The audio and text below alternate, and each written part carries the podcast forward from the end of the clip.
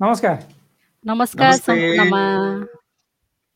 यहाँहरू सबैलाई स्वागत छ आज पनि हामीहरू आइसकेका छौँ आजको लाइभ हामीले गर्दैछौँ आज एकदम स्पेसल छ भन्दा पनि त्यसो त स्पेसल सधैँ हुन्छ आजको झन् धेरै स्पेसल आज हामीसँग एकदमै धेरै इम्पोर्टेन्ट जानकारीहरू छन् धेरै एक्साइटिङ खबरहरू छन् ती जानकारीहरू हामी तपाईँलाई दिनेछौँ विभिन्न देशहरूबाट कुवेतका त झन् दुई हप्तादेखि दुई हप्ता भन्दा पनि अघिल्लो दिन र त्यहाँदेखि थुप्रिएका जानकारीहरू यति धेरै छन् तपाईँले डिस्क्रिप्सनमा पनि देख्न सक्नुहुन्छ। साथसाथै हामीसँग कतार साउदी अरेबिया ओमन नेपाल लगायत धेरै देश जहाँ हामी काम गर्छौँ। हामी काम गर्ने ठाउँमा हामीलाई काम लाग्ने जानकारीहरू हामीले समय लिएर आएका छौँ। त्यसो त समय सधैँ एउटै हुँदैन बिस्तारै चेन्ज हुँदै जान्छ र समय चेन्ज हुँदै जाँदाखेरि हामी पनि समयसँगै चेन्ज हुनुपर्छ र समयले हामीलाई अटोमेटिक चेन्ज पनि गरि नै हाल्छ तर के चेन्ज हुँदैछ भन्ने चाहिँ हामीलाई थाहा हुनुपर्छ। होइन भने हामीलाई फेरि समयले थिचिदिन्छ र अगाडि बढ्न दिँदैन। हामी फस्छौँ अप्ठ्यारोमा पर्छौँ।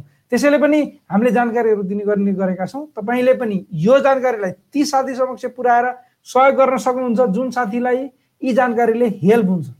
त्यसैले विभिन्न ग्रुपहरूमा विभिन्न ठाउँहरूमा तपाईँ विदेशमा हुनुहुन्छ भने आफ्नै प्रोफाइलमा तपाईँले विभिन्न तपाईँको आफ्नो पेज छ भने त्यो पेजमा पनि यो सेयर गर्नु होला। यो सेयर गर्दाखेरि तपाईँको इज्जत पनि अलिकति बढ्छ। सँगै हामी के भन्ने गर्छौँ भने जब हामीले जे पाते चाहिने नचाहिने चिजहरू फेसबुकमा सेयर गर्छौँ हाम्रो इज्जत बढ्दैन किनभने अरूले हेर्ने दृष्टिकोण हामीलाई त्यस्तै हुन्छ। तर यस्ता कुराहरू यहाँनिर इन्फर्मेसन छन् यहाँनिर जानकारी छन् यहाँनिर नलेजका कुराहरू छन् यो सेयर गर्दाखेरि मैले हामीलाई सेयर गरेर बढ्छ भन्न खोजेको होइन। यो सेयर गर्दाखेरि तपाईँलाई हेर्ने दृष्टिकोण चाहिँ अलिकति फराकिलो हुन्छ कि जस्तो मलाई लाग्छ।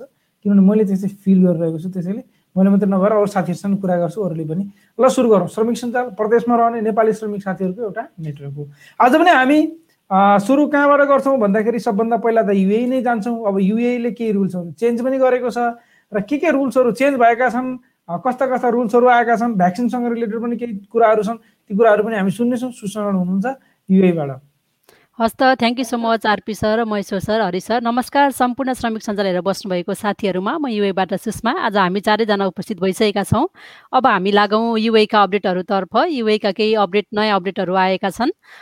दुबईले इन्डिया साउथ अफ्रिका नाइजेरियाका लागि उडान प्रतिबन्ध गरेको थियो र यो उडान जुन तेइसबाट खुला हुन गइरहेको छ यो सम्पूर्णलाई जानकारी पनि भइसकेको छ होला र यसका लागि विभिन्न नियमहरू रहेका छन्। यसका लागि यहाँ आउन लाग्नु भएको व्यक्तिहरूले कोभिड नाइन्टिनका यहाँ रजिस्टर भइसकेका दुइटै डोज भ्याक्सिनहरू लिइसकेका व्यक्तिहरू मात्रै यहाँ आउन पाउनुहुनेछ र यसका विभिन्न अरू पनि प्रोटोकलहरू रहेका छन्। यसको लागि चाहिँ हामीले पूर्ण रूपमा न्युज हेर्नुपर्ने हुन्छ। त्यसै गरी युएमा यो टु थाउजन्ड ट्वेन्टी वानको सुरुवातदेखि यता सात हजारभन्दा बढी भायोलेसन चाहिँ साइक्लिस्ट जो व्यक्तिहरू साइकल कुदाउनुहुन्छ उहाँहरूले नियम उल्लङ्घन गरेका कारण र सात हजारभन्दा बढी भायोलेसन भएका छन् भनेर अपडेट आएको छ। र त्यस कारणले गर्दा दुवै पुलिसले चार सय चौवन्न बाइसाइकलहरूलाई चाहिँ सिज गरेको छ भनेर पनि अपडेट आएको छ र हामी धेरै साथीहरूलाई देख्छौँ। यहाँनिर साइक्लिस्टहरू धेरैजना हुनुहुन्छ र हामीले साइकल कुदाउँदाखेरि पनि यहाँका नियमहरू एकदमै अपनाउनु पर्ने हुन्छ। त्यसै गरी दुबई एयरपोर्ट टर्मिनल वान पन्ध्र महिनादेखि एकदमै बन्द रहेको थियो। कोभिड नाइन्टिनको कारणले गर्दा क्लोज रहेको थियो र यो जुन चौबिसबाट रिओपन हुन गइरहेको छ भनेर अपडेट आएको छ। एकदमै खुसीको कुरा रहेको छ। र यो दुबई एयरपोर्टमा तिन हजार पाँच सय जति जबहरू चाहिँ ओपन हुन लागेको भनेर दुबई एयरपोर्टका सिओका अनुसार पनि अपडेट आएको छ। हामी सबैको लागि खुसीको कुरा रहेको छ यदि हजुरहरू जब खोजिरहनु भएको छ भने पनि त्यहाँ ट्राई गर्न सक्नुहुनेछ। अब त्यसै गरी हामी लगाउँ ओमानको अपडेटहरूतर्फ। आज ओमानका पनि केही नयाँ अपडेटहरू रहेका छन्।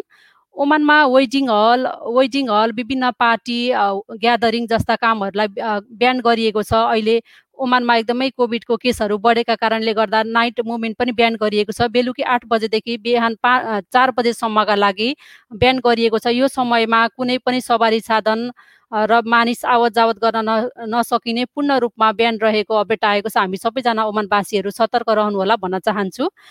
त्यसै गरेर ओमानमा रजिस्टर भएका भ्याक्सिनहरू भ्याक्सिनहरू लगाउनु भएका व्यक्तिहरू जस्तै ओमानमा भएका रजिस्टर भइसकेका भ्याक्सिनहरू कोही व्यक्तिहरू बाहिर हुनुहुन्छ र त्यहाँ रजिस्टर भइसकेका भ्याक्सिनहरू एउटा मात्रै डोज लगाएर ओमान आउनु भएको छ भने दोस्रो डोज लिन सकिनेछ भनेर पनि मिनिस्ट्री अफ हेल्थबाट अनाउन्स भएको छ। यस्ता क्वेसनहरू युएमा पनि धेरै साथीहरूले सोधिसक्नु भएको छ र ओमानमा चाहिँ अपडेट गरिएको छ।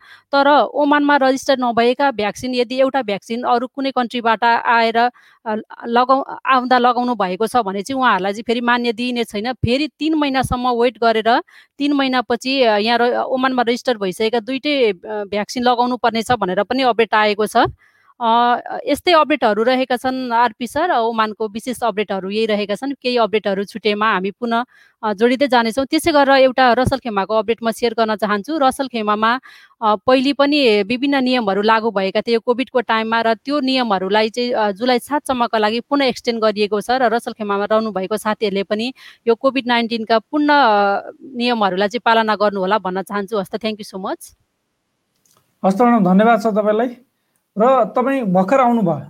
तपाईँलाई नै भनेको तपाईँ जो साथीहरूले हेरिरहनु भएको छ तपाईँले एकदम इम्पोर्टेन्ट जानकारी छुट्याउनुहुन्छ अलिकति ढिलो आएर। त्यसैले हाम्रो लाइभलाई तपाईँ के गर्नुहोस् भने लाइक गर्नुहोस् फलोइङमा गएर सी फर्स्ट गर्नुहोस्। लाइभ आउँदाखेरि तल्लोपट्टि get one to get notification के त्यस्तै मेसेज आउँछ त्यसलाई क्लिक गर्नुहोस्। हामीले जब लाइभ सुरु गर्छौँ लाइभ सुरु गर्ने बित्तिकै फ्याट तपाईँको मोबाइलमा एसएमएस नोटिफिकेसन आउँछ हेर्न थालिहाल्नुहोस् म यसो उसो नमस्कार हल्का फुल्का भन्दा भन्दै तपाईँले हेर्न सुरु गर्नुहुन्छ। त्यसपछि इम्पोर्टेन्ट इन्फर्मेसन थाहा पाउनुहुन्छ। एउटा गजबको जानकारी चाहिँ के पनि भयो भने टर्मिनल वान दुबईमा हुनुहुन्छ। तपाईँहरू यति बेला युएमा हुनुहुन्छ जब खोजिरहनु भएको छ जब पाएर हैरान भइरहेछ टर्मिनल वान खुल्दैछ लगभग पैँतिस सयजना आदिले जब पाउने भयो भनेपछि अब खोज्ने कहाँबाट कसरी भन्ने चाहिँ त्यो काम तपाईँको तर त्यो आइडिया हुनु नै सबभन्दा ठुलो कुरा हो। अब तपाईँले खोज्न थाल्नुहुन्छ अब अनलाइनमा खोज्नुहोस् अरू काम चाहिँ। तर हामी यति बेला तपाईँ जब खोज्नु होला एकैछिन पछि अहिले एकैछिन चाहिँ तपाईँ हामीसँग बस्नुहोस्। हाम्रा इन्फर्मेसनहरू हेर्दै गर्नुहोस् त्योभन्दा अरू पनि काम लाग्ने कुराहरू आउन सक्छन् यहाँनिर। अब हामी लागौँ कुवेततिर। कुवेतबाट हुनुहुन्छ कुवेतको जानकारी लिएर Hari sir. Thank you RP sir Sushma ma'am त्यसै गरी महेश्वर चाहिँ। हामी सबै श्रमिक साथीहरूलाई बारम्बार यही नयाँ कुराहरू केही परिवर्तन भयो भने ती कुराहरू बताउँदै गइरहेका छौँ। विशेष गरी अहिले जताततै अलिकति फ्लाइटकै कुराहरू चलिरहेछन्। धेरै साथीहरूले फर्किनु पर्ने छ मेरो फ्लाइट भएन म नगइ नहुने अवस्था छ यस्तो कुराहरू धेरैको छ। नेपालदेखि युए नेपालदेखि कतार नेपालदेखि कुवेत अथवा नेपालदेखि साउदी अनि साउदीबाट घर फर्किने अथवा कुवेतबाट फर्किने यस्ता धेरै क्वेसनहरू चाहिँ सबभन्दा बढी चाहिँ यो फ्लाइट सम्बन्धी छ। त्यो र फ्लाइट सम्बन्धी नेपाल सरकारले एउटा निर्णय के गरेको छ भने पहिला टर्की चाइना र कतार त्यसै गरी भारतसँग चाहिँ उहाँहरूले चाहिँ हप्ताको जम्मा एउटा फ्लाइट चालु गर्नुभएको थियो भने अहिले चाहिँ अलिकति धेरै नेपालीहरू भएको देशहरू भनेर साउदी अरेबिया युए जापान मलेसियालाई थप गरिएको छ। तर लिमिट कोटामा ल्याउने भनेको छ कसरी ल्याउने कहिलेबाट सुरु गर्ने भनेको छैन। अनि अझ इम्पोर्टेन्ट कुरा चाहिँ हुन त कुवेतको लागि चाहिँ चार्टर फ्लाइट अहिलेसम्म मैले यो हाम्रो कार्यक्रमभन्दा अलिक अगाडि पनि त्यहाँको काउन्सिलर सर प्रकाशमणि पौडेल सरसँग कुरा गरेको थिएँ। एम्बेसीमा चाहिँ अहिलेसम्म कुनै जानकारी छैन तर बाहिर फेसबुकतिर यताउति चाहिँ बाइस तारिक चार्टर फ्लाइट हुँदैछ भनेर आइरहेका छन्। यी कुराहरू हल्लातिर चाहिँ नलागौँ। चार्टर फ्लाइटहरू हुन्छ भने एम्बेसीमा सम्पर्क गर्नु होला जस्तो साउदी अरबमा दुईवटा चार्टर फ्लाइटहरू हुँदैछन् बाइस तारिक र तेइस तारिक सम्झि त्यस्तै छ। तपाईँहरू नआइ नहुने अवस्थामा भएको साथीहरूले चाहिँ एम्बेसीमा सम्पर्क गर्नु होला र सायद बाइस तारिकबाट सबै कुराहरू डेभलप गर्दै हप्ताको एउटा एउटा फ्लाइट चाहिँ UAE Saudi Arab Malaysia Japan लगायतमा सुरु हुँदैछ।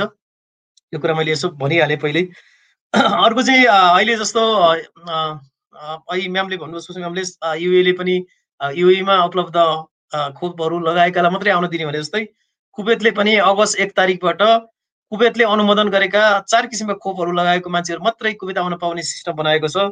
जस्तो यो अक्सफोर्ड अथवा एस्ट्राजेनेका भन्ने छ अर्को चाहिँ फाइजर भन्ने छ अर्को चाहिँ मोडोना भन्ने छ र अर्को चाहिँ जोन्सन एन्ड जोन्सन।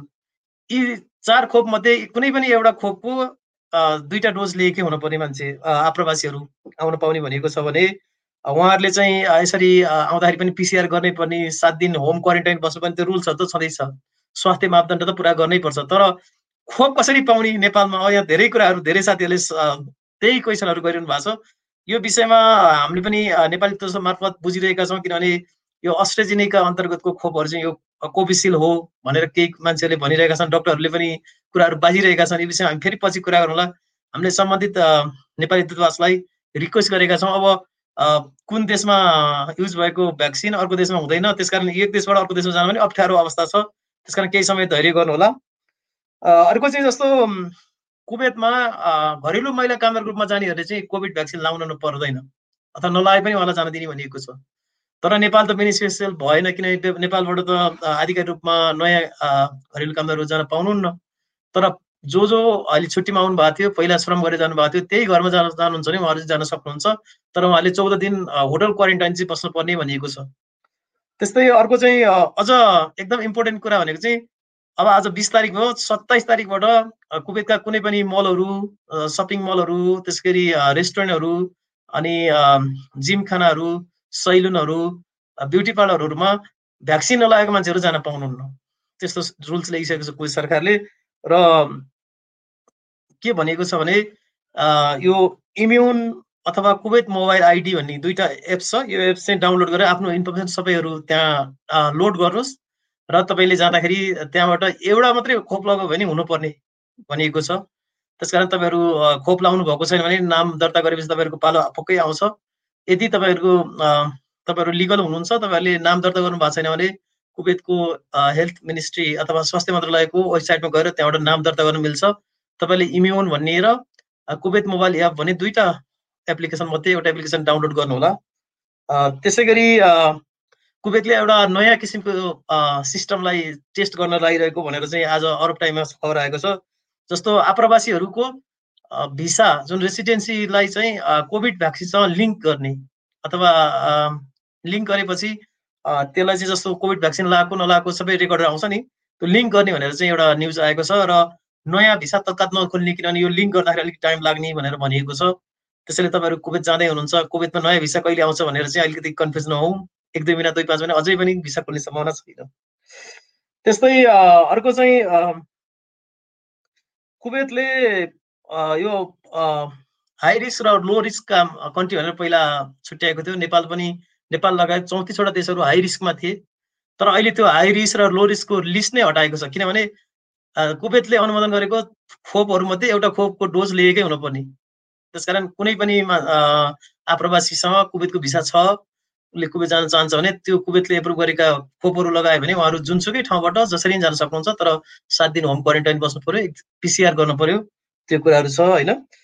त्यस्तै अर्को एउटा गुड न्युज चाहिँ के छ भने कुवेतभन्दा तपाईँहरू बाहिर हुनुहुन्छ तपाईँहरूको भिसा सकिसकेको छ कम्पनीले समय समयमा तेरो भिसा रिनु हुँदैन भनिरहेको छ भने पनि तपाईँहरूको दुई तिन महिना अगाडि नै भिसा एक्सपायर भएको छ भने पनि अहिले अनलाइनबाट भिसा रिन्युअल गर्न चाहिँ कुवेत शाखाले बाटो खुल्ला गरेको छ। यो चाहिँ सबै भिसाहरूलाई जस्तो त्यहाँको सत्र नम्बर भिसानेको गभर्मेन्ट भिसाहरू भयो अठार नम्बर भनेको हामी जस्तो नर्मल वर्करहरूको भिसा भयो बिस नम्बरको डोमेस्टिक वर्करहरूको घरेलु महिला कामदारहरू घरेलु कामदारहरूको भनौँ होइन बाइस नम्बर भनेको फ्यामिली भिसा यी सबै क्याटेगोरीको भिसाहरूलाई एक्सपायर्ड भइसकेको छ भने पनि नवीकरण गर्न सक्ने अनलाइनबाट तपाईँ कुवेत हुनु पर्दैन तपाईँ अरू देशमा हुनुहुन्छ भने अनलाइनबाट रिन्युअल गर्न सक्नुहुन्छ। तर एउटा कुरा के भनिएको छ त्यसो भने तपाईँलाई कम्पनीले कुनै केस लागेको अथवा कम्पनीले चाहिँ गरिदिनु पर्यो भिसा रिन्युअल किनभने कम्पनीले गर्ने हो तपाईँ लिगल हुनु पर्यो। अनि छ महिनाको जुन छ महिना कुवेतभन्दा बाहिर छ महिना रहने बित्तिकै भिसा रद्द हुने भन्ने कुरा पहिला सिस्टम थियो। त्यो कुराहरूलाई चाहिँ कुवेत सरकारले त्यसलाई पनि रिमुभ गरेको छ। तपाईँहरू एक वर्ष भइसक्यो भने जान पाउनुहुन्छ। यो चाहिँ एउटा फेसिलिटी पनि हो। कुवेत सरकारले यसलाई अलिकति आज मात्रै अरब टाइममा आएको छ यसको बारेमा। त्यस्तै कुवेत सरकारले के भनेको छ भने कुवेतमा अहिले अहिले करिब करिब दुई लाख आप्रवासीहरू अनडकुमेन्टेड अथवा अवैधानिक हुनुहुन्छ। अथवा उहाँहरू कम्पनीबाट भागेर स्पोन्सरबाट भागेर काम गरिरहनु भएको छ। उहाँहरू कसैलाई पनि कोभिड भ्याक्सिनको एक्सेस दिएको छैन। र उहाँहरूलाई एउटा आजको रिपोर्टमा के भनेको छ भने उहाँहरू सबैभन्दा बढी प्रभावित हुनुहुन्छ किनभने सत्ताइस तारिकबाट मलहरूमा पनि जान पाउनुहुन्न उहाँहरू। त्यस कारण कुवेतले अलिकति स्ट्राटेजी के लिएको छ भने अवैधानिक रूपमा बस्नेहरूलाई सकेसम्म देशबाट निकाल्ने। त्यस कारण तपाईँहरू पनि सुरक्षित रहनुहोला कसरी सकिन्छ होइन त्यो कुरा छ। र अन्तिममा एउटा चाहिँ के छ भने यो म्याग्दी प्रवासी नेपाली सङ्घ भन्ने मुना भन्ने छ कुवेतमा। त्यहाँको त्यो संस्थाबाट करिब दुई लाख दुई लाख बिस हजार आर्थिक सहयोग गरिएको छ। यो चाहिँ म्याग्दीभित्र चाहिँ विभिन्न यो अक्सिजनका कुराहरू विभिन्न रोगबाट ग्रसित भएर उपचार गर्न सक्नेहरूलाई चाहिँ सहयोगको लागि भनेर उहाँहरूले दुई लाख बिस हजार पठाउनु भएको छ। यो पनि एकदम ठुलो रकम हो। र विशेष गरी अहिले बाढी नेपालमा धेरै जताततै म्याग्दीमा भन्नुहोस् मनाङमा भन्नुहोस् सिन्धुपाल्चोकमा भन्नुहोस् होइन लमजुङमा भन्नुहोस् बाढीको एकदमै बहावहरू आइरहेको अथवा सेतीतिर अथवा सबैतिर जताततै अलिकति के भन्छ यो डोनेसन उठाउने कुराहरू चलिरहेको छ तर नेपाल सरकारले अहिले अलिकति डोनेसनहरूको लागि चाहिँ स्ट्रिक्टली रुल्स ल्याएको छ किनभने कसले कति उठायो कसले कहाँबाट के गर्यो भन्ने कुरा गरेको हुँदाले सिन्धुपाल्चोकले चाहिँ एउटा के नोटिस जारी गरेको छ भने तपाईँहरूले यदि डोनेसन उठाउँदै हुनुहुन्छ भने त्यसको पारदर्शिता सहित स्थानीय निकायले लगेर बुझाउनु पर्छ तपाईँहरूले लगेर बुझाउनु पाउनुहुन्न पीडितको लागि भनेर भनिएको छ। कुरा करिब करिब यति नै छ। तपाईँहरू जो जहाँ जसरी रहनुहुन्छ रहनु भएको छ सुरक्षित रहनु होला thank you RP sir thank you sir thank you so much कुन देशमा कुन भ्याक्सिनहरू अप्रुभ छन् भनेर हामी एकैछिनमा कुराकानी गर्नेछौँ। केही तपाईँहरूलाई हामी जानकारी दिनेछौँ। तर हामी यति बेलाको कतार सरी अँ कतारै भने मैले। कतारतिरै लाग्छौँ। अनि त्यसपछि फेरि फर्किनेछौँ। हामी अनि प्यानलमा बसेर कुराकानी गर्छौँ। तपाईँले हामीलाई हेरिरहनु भएको छ यति बेला श्रमिक सञ्जाललाई। श्रमिक सञ्जाल प्रदेशमा काम गर्ने नेपाली श्रमिक साथीहरूको एउटा नेटवर्क हो। तपाईँ हामी सबैको एउटा नेटवर्क हो। हामी बस तपाईँलाई केही जानकारीहरू दिँदैछौँ। जुन जानकारीहरू विभिन्न मिडियाहरूमा अथवा विभिन्न सरकारी निकायहरूमा आएका हुन्छन् अब सबै हामीले हेर्न भ्याइरहेका हुँदैनौँ अथवा कतिलाई थाहा पनि हुँदैन। त्यो कारणले गर्दाखेरि पनि हामी त्यसलाई सहजीकरण गरिदिन्छौँ। कतिलाई चाहिँ ए यस्तो त हामीलाई थाहा भइसकेको कुरा हो नि त हामीले फेसबुकमा देखा भन्ने हुन्छ। त्यो तपाईँले फेसबुकमा देखाएको कुरा ठ्याक्कै सही हो कि होइन भन्ने पनि त्यो भेरिफिकेसन प्रोसेस पनि हुनसक्छ कि जस्तो पनि लाग्छ। श्रमिक सञ्जालका साथीहरूले भनिसकेपछि यो चाहिँ ठिकै होला है भन्न तपाईँलाई ढुक्क पनि होस् भन्ने हाम्रो एउटा चाहना पनि हो। त्यसैले पनि हामी सामान्य सामान्यभन्दा सामान्य लाग्ने इन्फर्मेसन पनि सेयर गर्ने गर्छौँ यहाँ यहाँहरूलाई अब हामी लाग्छौँ कतारतिर। कतारबाट कतारका जानकारीका साथ महेश्वर सर हुनुहुन्छ। नमस्ते। सम्पूर्ण हाम्रा दर्शक श्रोता साथीहरूलाई आजको यो फेसबुक लाइभको दुई सय सातौँ श्रृङ्खलामा स्वागत गर्न चाहन्छु। कतारको बारेमा भन्नुपर्दा कतारले आगामी वर्ष दुई हजार बाइसमा चाहिँ विश्वकप आयोजना गर्दैछ र त्यो विश्वकप आयोजनाको विश्वकप हेर्न जाने चाहिँ दर्शकहरूको लागि दस लाख डोज खोप चाहिँ कतारले नि शुल्क उपलब्ध गराउने भनेर एउटा राम्रो घोषणा गरेको छ। अनि अर्को मसित अर्को एउटा इन्फर्मेसन छ नेपाली राजदूतावासको चाहिँ समय तालिका चाहिँ परिवर्तन भएको छ। यो समय तालिका अस्ति एक गतेबाट चाहिँ परिवर्तन भएको हो। राजदूतावास बिहान आठ बजे खुल्नेछ र बेलुका तिन बजे बन्द हुनेछ अपराह्नको।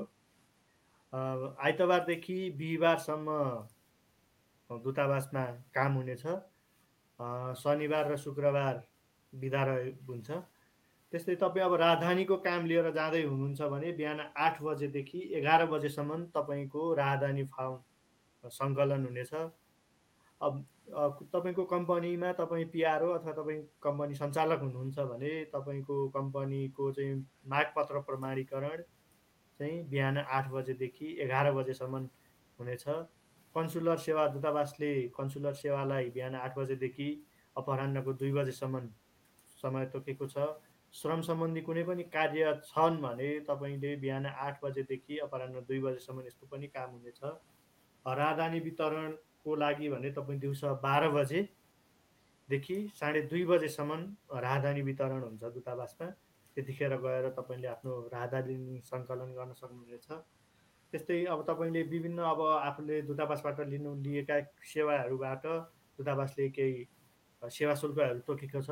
त्यसको सेवा शुल्क बुझाउने काउन्टर चाहिँ बिहान आठ बजेदेखि दुई बजेसम्म नै खुल्ला रहने भनेर चाहिँ सूचना जारी गरेको छ। तपाईँहरू यो सूचनालाई आधार मानेर दूतावास जानुभयो भने तपाईँको काम हुन्छ। अब चाँडै बिहान चाहिँ के बाह्र बजे हुने कामको लागि तपाईँ आठै बजे दूतावास जानुभयो भने तपाईँको त्यो दिनभरि तपाईँको तिन चार घन्टा त्यतिकै लस हुनसक्छ तसर्थ आफ्नो समय हेरेर दूतावास जानु होला अनि मैले अर्को एउटा कुरा हाम्रा दर्शक साथीहरूलाई चाहिँ के भन्न चाहेँ भने तपाईँ कहाँबाट हामीलाई हेर्दै हुनुहुन्छ त्यो लेखिदिनु होला अनि तपाईँहरूको अवस्था कस्तो छ? त्यो पनि लेखिदिनु होला। लेखिराख्नु भएको छ धेरै साथीहरूले। अनि त्यसपछि बाँकी नलेख्नु भएका साथीहरूले पनि तपाईँहरूको अवस्था कस्तो छ? अनि त्यसपछि नेपालले चाहिँ अब के गर्दै हुन्थ्यो जस्तो लाग्छ ती कुराहरू लेख्नु होला। अनि अर्को कुरो रह्यो तपाईँहरू हाम्रो यहाँ साथीहरूले चाहिँ विभिन्न क्वेसनहरू सोध्नु भएको छ हुन्छ। तपाईँहरूलाई जानकारी भएको क्वेसनहरूको कुनै चाहिँ तपाईँहरूलाई जानकारी छ भने ती क्वेसनको उत्तरहरू पनि तपाईँहरूले चाहिँ हामीलाई यहाँ कमेन्ट बक्समा लेखिदिनु भयो भने हामीलाई अझ सजिलो हुने थियो। हाम्रो फेसबुक पेज लाइक गरिदिनु होला हाम्रो युट्युब च्यानल छ त्यो पनि लाइक गरिदिनु होला। त्यो गर्नुभयो भने हामीले दिने सेवा हामीले चाहिँ दिने सूचनाहरू तपाईँहरूले चाहिँ सहज रूपमा हेर्न पाउनुहुनेछ भनेर भन्दै म चाहिँ आज बिदा हुन चाहेँ। धन्यवाद। हस् sir thank you so much तपाईँलाई धेरै धेरै धन्यवाद। अब हामी अब आउँछौँ सबैजना फेरि अब चाहिँ हामी एकैचोटि म के चाहिँ कुरा गर्न चाहेँ भने हरि सर सुसर म्याडम महेश सर अब के कुरा भयो भने यहाँनिर जो साथीहरू तपाईँले हेरिरहनु भएको छ। दुई दुईवटा केही जानकारीहरू म नेपालका जानकारी पनि यहाँ लेखाएको थिएँ होला सायद बिर्सेछु जस्तो लाग्यो के लेखाएको थिएँ भने यहाँ एउटा। एउटा जानकारी चाहिँ मसँग पनि छुटेछ सर विशेष गरी कुवेतले अहिले कुवेतभन्दा बाहिर रहेका कुवेत फर्किन चाहने आप्रवासीहरूको एउटा डाटा सङ्कलन गर्दैछ। तपाईँहरूले कुन भ्याक्सिन लाउनु भयो तपाईँहरू जान जान पाउने भ्याक्सिन छ कि छैन भनेर एउटा डाटा अहिले कुवेतको स्वास्थ्य मन्त्रालयको उसबाट एउटा डाटा छ अनलाइनबाट। तपाईँले अनलाइनमा नाम दर्ता गरेर तपाईँले खोप लिइसकेको र कुवेत फर्किन चाहनुहुन्छ भने त्यसमा नाम अनिवार्य रूपमा दर्ता गर्नु होला भनेर चाहिँ न्युज आएको छ। मैले त्यो चाहिँ छुटेछु र र सेम त्यस्तै साउदी अरबको पनि छ। साउदी अरबको पनि छ तर कहाँनिरबाट कसरी रजिस्टर गर्ने भन्ने मेसो पाइएन। हामीले पनि म खोज्दै थिएँ त्यो नभेटेको कारणले गर्दा हामीले भेटेपछि पेजमा हाम्रो ग्रुपमा पनि सेयर गरौँ हाम्रो ग्रुप छ श्रमिक हब श्रमिक चौतारी त्यहाँनिर धेरै अपडेटहरू पाउनुहुन्छ। पेजमा एकदम फिल्टर अपडेटहरू हुन्छन् तर ग्रुपमा चाहिँ धेरै अपडेटहरू हुन्छन्। त्यो कारणले गर्दाखेरि तपाईँले ग्रुप पनि फलो गर्न सक्नुहुन्छ। हाम्रो ग्रुपमा जोइन हुन सक्नुहुन्छ। ग्रुपमा तपाईँले पनि पोस्ट गर्न सक्नुहुन्छ। ग्रुपमा तपाईँले पनि क्वेसन सोध्न सक्नुहुन्छ। तपाईँले पनि एन्सर दिन सक्नुहुन्छ। ग्रुप धेरैको लागि हो। त्यसैले तपाईँ पनि ग्रुपमा आउनु होला सुषमा म्याडम त सबभन्दा धेरै इङ्गेज र सबभन्दा धेरै इन्फर्मेसन सेयर गर्ने एकजना व्यक्ति हुनुहुन्छ ग्रुपमा। हरि सरले पनि त्यतिकै गर्नुहुन्छ। अरू हाम्रा साथीहरू पनि हुनुहुन्छ साउदी अरबबाट मलेसियाबाट पनि हुनुहुन्छ त्यहाँनिर। उहाँहरूले ग्रुपमा सेयर गर्नुहुन्छ श्रमिक हब भन्ने ग्रुप छ। तपाईँले खोज्नु भयो भने भेट्नुहुन्छ। श्रमिक हब श्रमिक चौधारी हाम्रो ग्रुपको नाम हो। अब म के कुरा गर्दै थिएँ भन्दाखेरि साउदी के अरे विभिन्न देशहरूबाट फर्किँदाखेरि नेपालमा सरकारले क्वारेन्टाइनको खर्च दिने भन्ने कुरा गरिएन होइन? हामीले अहिले गरिएको छैन सरकारले सरकारले क्वारेन्टाइनको खर्च दिने रे अब कुन अवस्थामा दिन्छ त भन्दाखेरि क्वारेन्टाइनको खर्च दिने दिने भनेर सबैलाई अलिकति खुसी पनि लाग्यो होला तर एउटा अवस्था यस्तो छ। सरकारले मलेसियाबाट र मिडल इस्ट मध्यपूर्वबाट नेपाल फर्किनेहरूले पाँच दिन मात्रै बस्नुपर्छ क्वारेन्टाइनमा मतलब पाँच दिन क्वारेन्टाइनमा बस्ने हो त्यो नियम हो। तर इन केस अफ तपाईँ पन्ध्र दिन बस्नु पर्यो भने बाँकी रहेको दस दिनको चाहिँ सरकारले दिने हो। अब त्यो पा अब दस दिन अरू एक्स्ट्रा दस दिन चाहिँ तपाईँ कुन कन्डिसनमा बस्नुहुन्छ भन्दा तपाईँलाई कोभिड लायो देखियो भने। जस्तै नेपालमा आएर तपाईँ पाँच दिन क्वारेन्टाइनमा बस्दै रहँदै गर्दाखेरि तपाईँले कोरोना टेस्ट गराउनुहुन्छ। जब कोरोना टेस्ट गराउँदाखेरि तपाईँको पोजिटिभ आयो भने अब तपाईँ नेक्स्ट पाँच दिनपछि नेक्स्ट अरू दस दिन बस्नु पऱ्यो मतलब पन्ध्र दिन।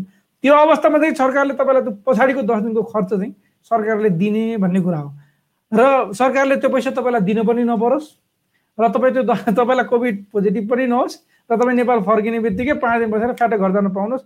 सरकारको त्यो सब लिन नपरोस् तपाईँहरूलाई। अरू बेला चाहिँ सरकारको सहयोग लिन पऱ्यो भने यसो यसो गर्नुहोस् भन्ने कुरा हुन्छ। यहाँनिर लिनै नपरोस् त्यसपछि कसो गर्ने कसो गर्ने कुरै छोडाउनु अब त्यसपछि अर्को एउटा जानकारी के भन्न खोज्दै थिएँ भने मैले तपाईँ युएको कुराहरू पनि युएबाट दुईवटा उडान हुँदैछन् भन्ने कुरा म्याडमले भन्नुभयो कि भन्नु भएन जनवरी सरी सरी जुन तेइस र जुन तिस तारिकमा र यो दुइटै फ्लाइटका सिटहरू चाहिँ बुक भइसक्यो अरे। आज मैले नेपाल एयरलाइन्समा फोन गरेको थिएँ।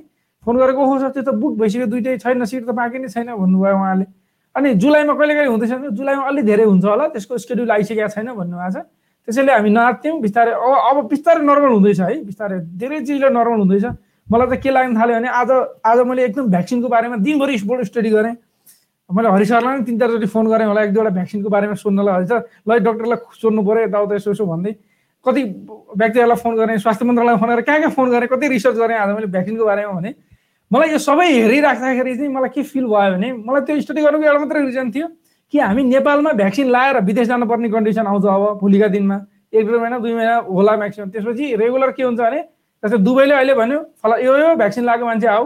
होइन भने नआऊ साउदी अरबले त्यसै भन्यो। अब ओमनले के भन्यो ठिकै छ हाम्रो देशमा आएर लाउन चाहन्छौ भने लाउन पाउँछौ एउटा डोज लगाएको भने अब तर भ्याक्सिन लाएर मात्रै आऊ।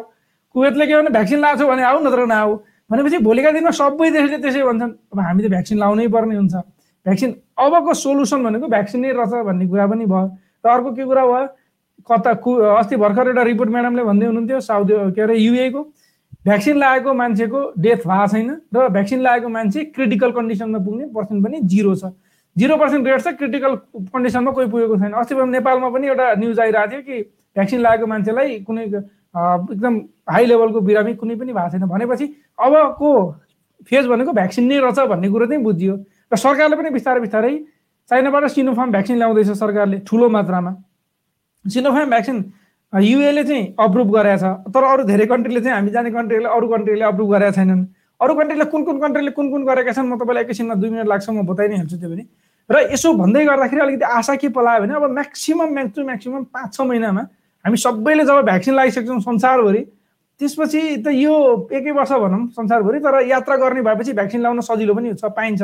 जस्तै मलाई दुबई जान छ भनेपछि म पहिला आज जान्छु भ्याक्सिन लाउँछु एक डोज अरू एक महिनापछि जान्छु फेरि डो डोज लाउँछु भनेको म पैँतालिस दिनको टाइममा त मजाले दुवै जान सक्ने सजिलैसित। यस्ता यस्ता चिजले गर्दा अलिकति आशा पनि पलाएको छ र केही समय लाग्न सक्छ। जुलाई जुन जुलाईमा अलिक धेरै फ्लाइटहरू पनि होला। नेपालमा कोरोना भाइरसको सङ्क्रमण कम्ती भएको छ निषेधाज्ञाका पनि खुकुलो बनाइएको छ मतलब अलिक खुल्ला भएको छ यात्रा गर्न पनि अलिक सहज हुन्छ। यो कारणले गर्दाखेरि चाहिँ हामी केही समय अब सधैँ एउटै हुँदैन समय सधैँ भन्ने गरेका छौँ। बिचमा अलिकति फेरि बढेको थियो अब फेरि कम हुन्छ र बिस्तारै हाम्रो लाइफ नर्मलतिर जान्छ भन्ने चाहिँ मलाई आज यो भ्याक्सिनको बारेमा रिसर्च गर्दै गर्दाखेरि चाहिँ एउटा आशा पलाएर आयो। त्यही भएर यो चिज म यहाँसँग सेयर गरेँ। अब मैले चाहिँ कुन कुन देशमा कुन कुन भ्याक्सिनहरू अप्रुभ छन् त भनेर थोरै तपाईँहरूलाई भन्छु जस्तै कतारको कुराकानी गर्ने भने कतारमा मोड्रेना भनेर फाइजर भ्याक्सिन अप्रुभ छ। फाइजर त युएसका सबै देशहरूमा छ तर नेपालमा फाइजर छैन। नेपालमा फाइजर नहुनुको एउटा रिजन एक त फाइजर एकदम महँगो छ।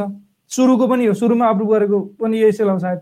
र अर्को एउटा कुरा यसलाई राख्न स्टोरेज गर्नको लागि राख्नको लागि हामीसँग त इन्फ्रास्ट्रक्चर जुन चिज छ त्यो एकदमै गाह्रो हुन्छ त्यो बनाउनुको लागि भन्ने कुरा छ जसको कारणले गर्दा फाइजर चाहिँ गाह्रो हुने भयो र नेपालमा छैन। तर मोड्रेना पनि नेपालमा छैन। अब कतारले भोलिका दिनमा कसलाई अप्रुभ गर्छ भन्ने कुरो चाहिँ यहाँ पत्ता लगाउन सकिएन। त्यही भएर नेपालमा यो दुइटै नभएको कारणले गर्दाखेरि कतार र नेपालको यो भ्याक्सिन मिलेन।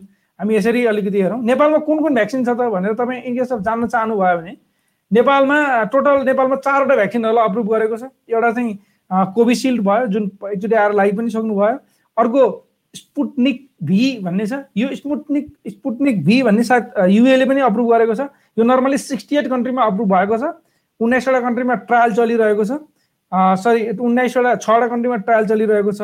कोभिसिल्ड चाहिँ त्रितालिसवटा कन्ट्रीमा अप्रुभ भएको छ। तपाईँको को भ्याक्सिन भन्ने चाहिँ जबमा नौवटा कन्ट्रीमा अप्रुभ भएको छ त्योमध्ये नेपाल पनि हो।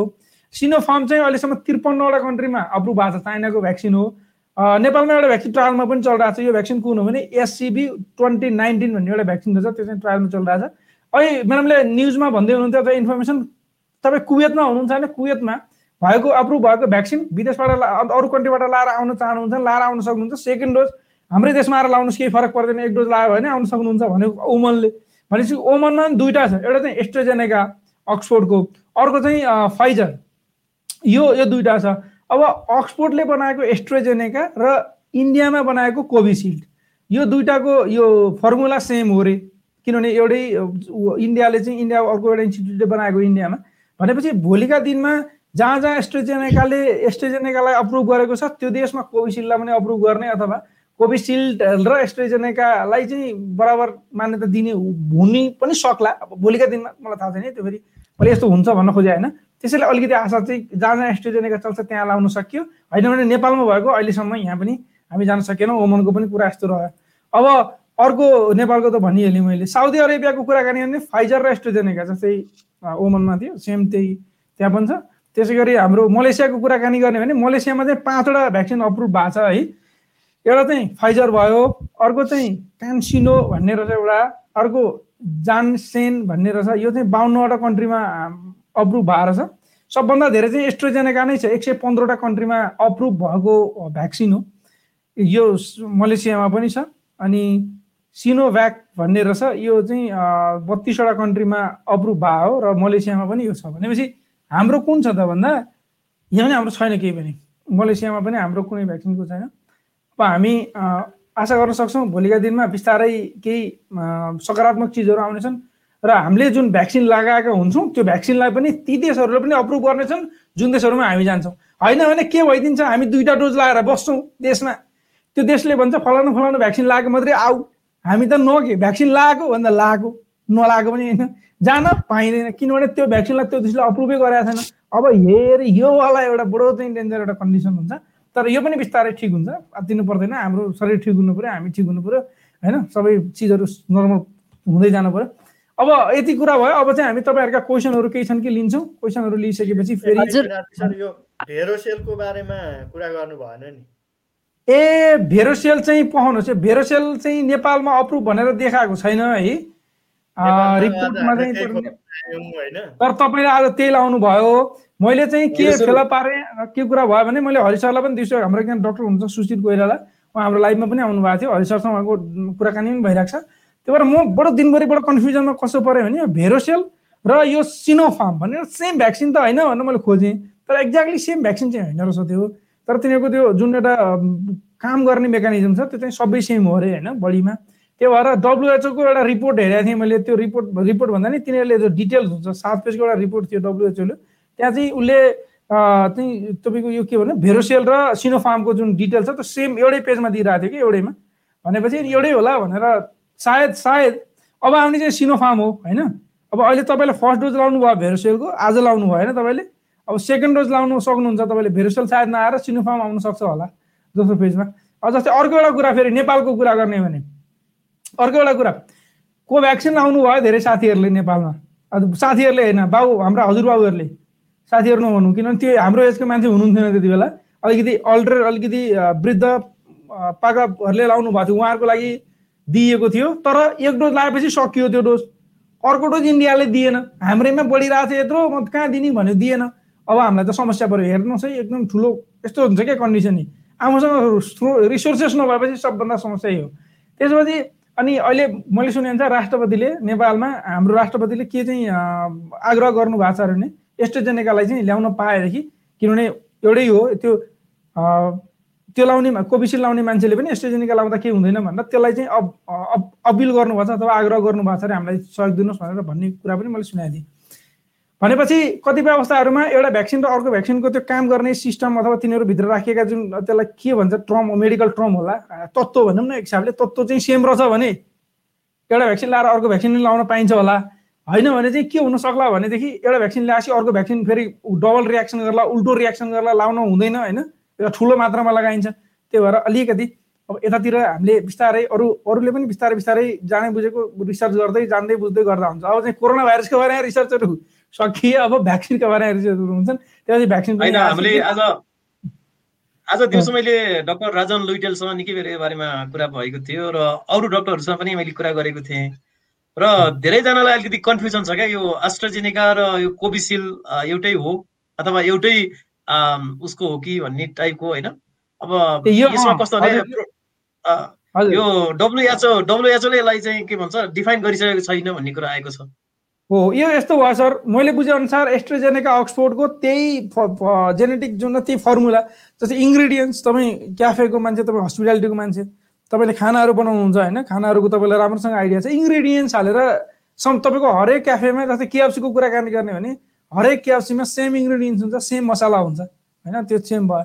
अब सायद त्यो मेडिकल टर्म्समा सेम होला नहोला किनभने तपाईँको एस्ट्रोजेनेकालाई चाहिने जुन टेम्परेचर र कोभिसिल्डलाई चाहिने टेम्परेचर नै अलग छ। एस्ट्रोजेनाको रेट र तपाईँको यसको रेटै फरक छ भनेपछि केही न केही त डेफिनेटली फरक होला त्यसमा।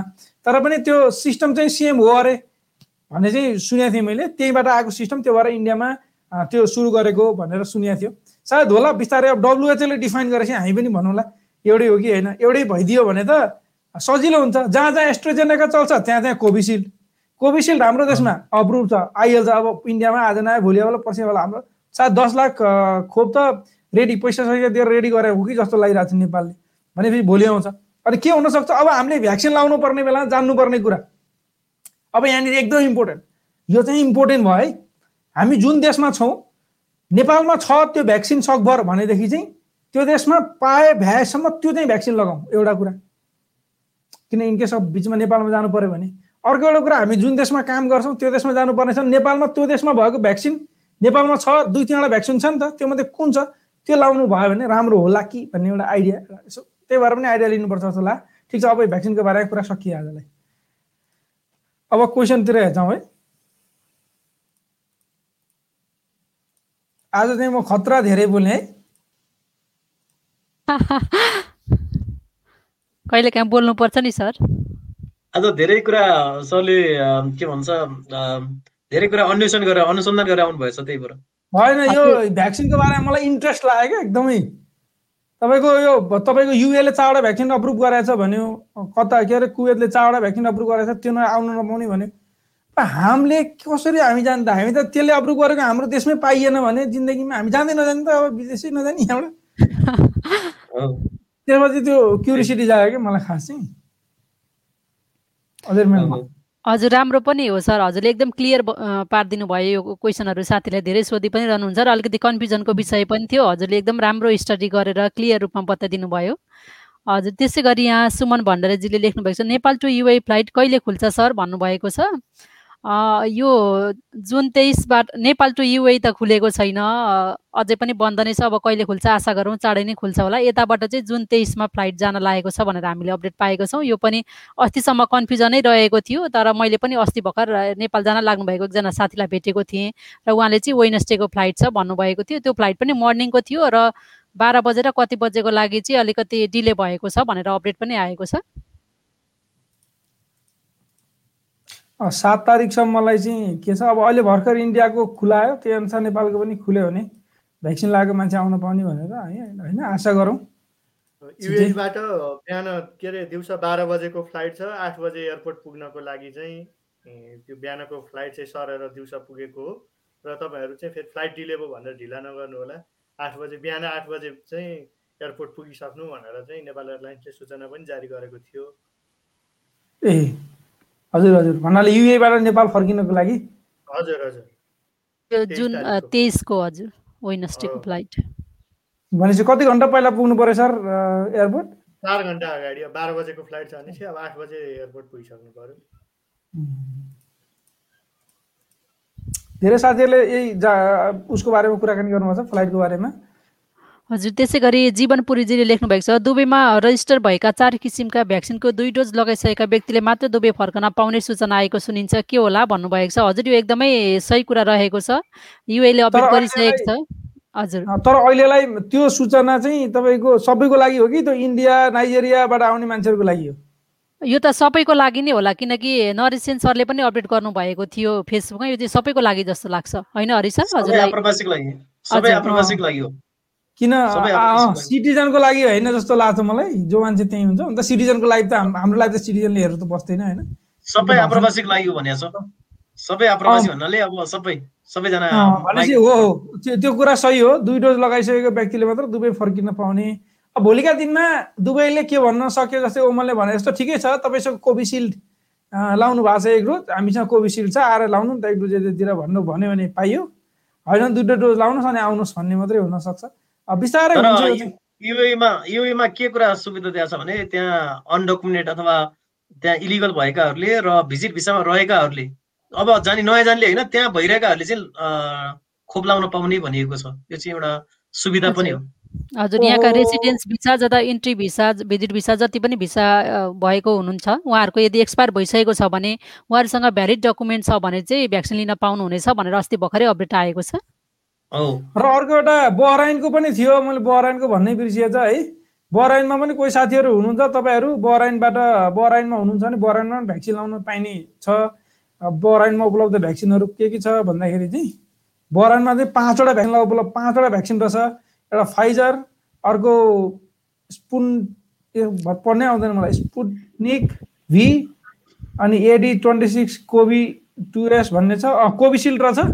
तपाईँहरू कोभिसिल्ड लाउनु भयो भने हुन्छ र बहराइन मा तपाईँहरूले इनकेस अफ लाउन चाहनुहुन्छ भने कोरोना भाइरसको कोरोना भाइरस विरुद्धको भ्याक्सिन। एम्बेसीको वेबसाइटमा गएर आफ्नो नाम टिपाउनु होला। त्यहाँनिर एम्बेसीको वेबसाइटमा फर्म पनि दिएको छ। साथै तपाईँले एम्बेसीको सूचनामा गएर हेऱ्यो भने पनि थाहा हुन्छ।